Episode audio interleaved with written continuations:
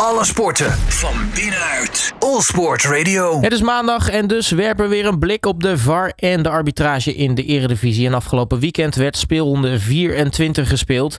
Het meest besproken moment daarin was toch de rode kaart die scheidsrechter Joey Coy uitdeelde aan FC Groningen-speler Isaac Mata. En dan is de vraag, was dit een terechte kaart? En we gaan erover in gesprek met uh, Mario van der Ende, wie we natuurlijk uh, voor de rest ook horen over uh, wie er bij VAR de beste scheidsrechter van de week is geworden. Mario, hele goedemiddag. Goedemiddag, Robert. Um, ja, dat moment wat ik al noemde, die rode kaart aan Isaac Mata aan de wedstrijd tussen Feyenoord en FC Groningen. Een beetje een, een kolderiek moment. Want nou ja, er lijkt helemaal niks te gebeuren. Hij schiet de bal tegen een Feyenoord-speler aan. De bal is uit. Iedereen verwacht een ingooi. En ineens komt Joey Kooi daar met een tweede gele kaart. Ja, dat, dat verbaasde mij ook. Kijk, wat ook een aardig detail is, is in deze situatie dat de assistent scheidsrechter zo'n beetje 50 centimeter staat. En die ook er totaal geen opzet in ziet. Want die, die verwachten dus gewoon voor een, voor een inworp. Ja, een hele vreemde situatie. En ja, het, het, is niet helemaal verbazingwekkend dat dat natuurlijk bij deze scheidsrechter gebeurt. Want ja, vier van de vijf keer als die man in de Eredivisie fluit, ja, dan laat hij toch gewoon zien dat hij op dit niveau nog gewoon veel tekort komt en voor problemen zorgt. Ja, en waar dat vandaan komt, ik heb, ik heb wel het idee dat ja, het voetbalgevoel uh, toch wel ontbreekt. Maar dat hij er ook nog wel een bepaald autoriteitsprobleem zelf opgeschreven zit. Want ja, dit, dit, is gewoon iets wat, ja, wat, wat de eredivisie in ieder geval niet beter maakt. Zijn optredens. Nou, het, het, meest interessante blijft natuurlijk het feit dat er ook eigenlijk niet gecommuniceerd was. Want nou ja, je zegt al, die grens die staat er op 50 centimeter afstand vandaan. die vlagt ook niet eens voor een overtreding, maar voor een inworp. Um, ja, ja dat, in plaats van dat hij dan nou even naar de grens loopt van goh, wat, wat heb jij gezien? Uh, ja, was hij eigenlijk al overhaast met oordelen?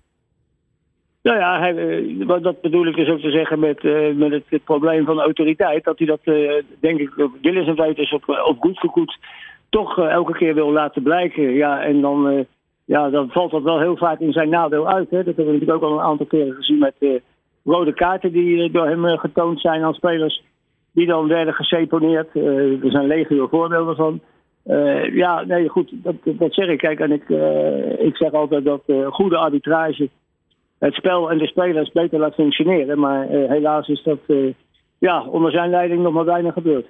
En ja, en, ik denk dat je daar gewoon als, als KNVB en als betrokken eredivisieclubs toch eens een keer even dan ja, dat een keer de koppen bij elkaar moet steken van wat kunnen we hier aan doen om dat op te verbeteren of te vermijden. Ja, wat, wat gebeurt er nu eigenlijk in zo'n situatie met zo'n uh, zo'n kaart? Want ik denk wel dat de verwachting is dat die geseponeerd gaat worden. Maar... Nee, dat kan niet. Nee, nee, kan nee, niet? dat kan niet. Want het is een tweede gele kaart. Ah. Het is een tweede gele kaart en die kunnen dus niet geseponeerd worden. Maar ja, kijk, ik, ik, lees vandaag ook een aantal kranten waarin staat dat Groningen zich sterk gedupeerd voelde. Ja, goed, daar kan ik me goed indenken, omdat ja, omdat ze toch een, eh, bijna de hele tweede helft met, met, met een man minder moesten spelen.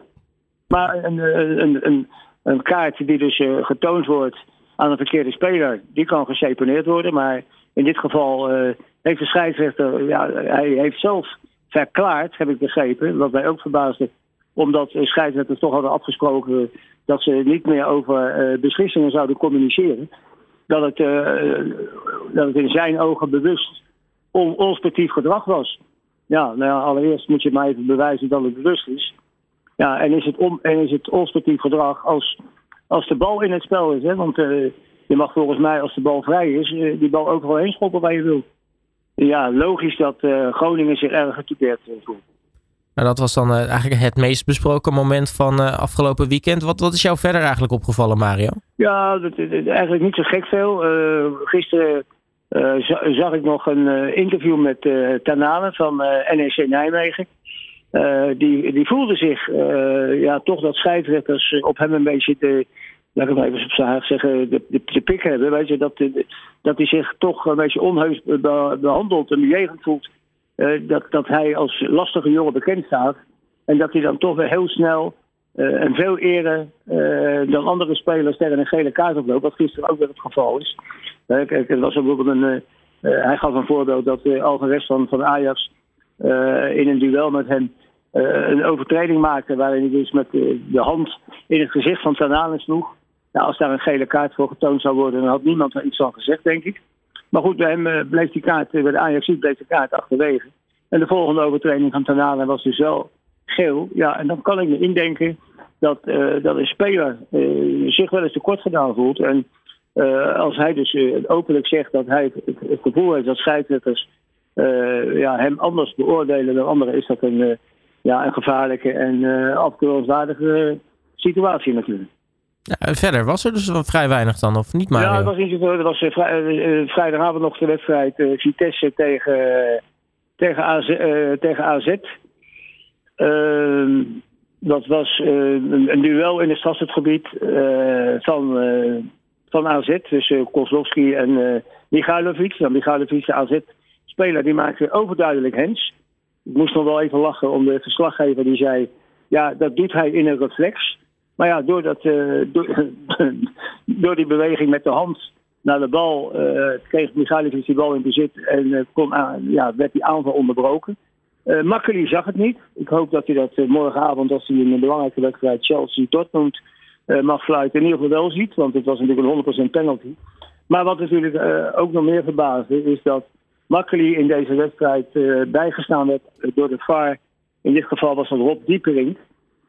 ik heb altijd gezegd dat, dat scheidsrechters en VARs het best kunnen opereren als daar geen persoonlijke binding mee is.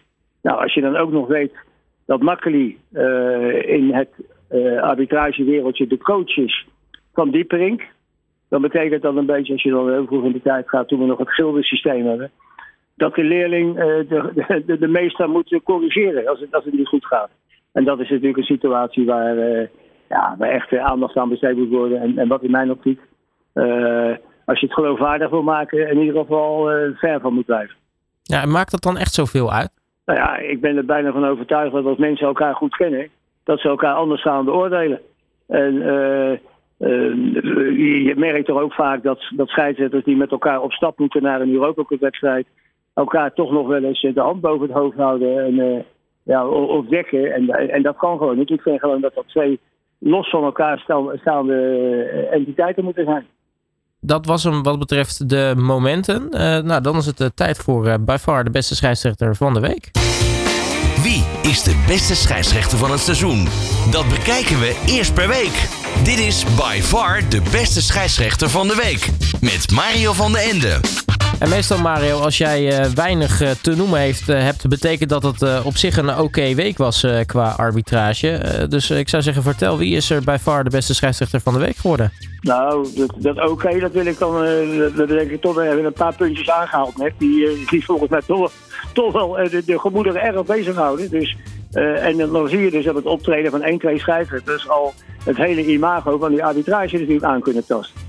Maar goed, uh, bij uh, FC Twente tegen Sportclub Heerenveen, daar floot Dennis Higner een, ja, gewoon een goede partij. En die, die, kwam dit, dit weekend in ieder geval met het hoogste cijfer uit. Dus die is deze week by far de beste.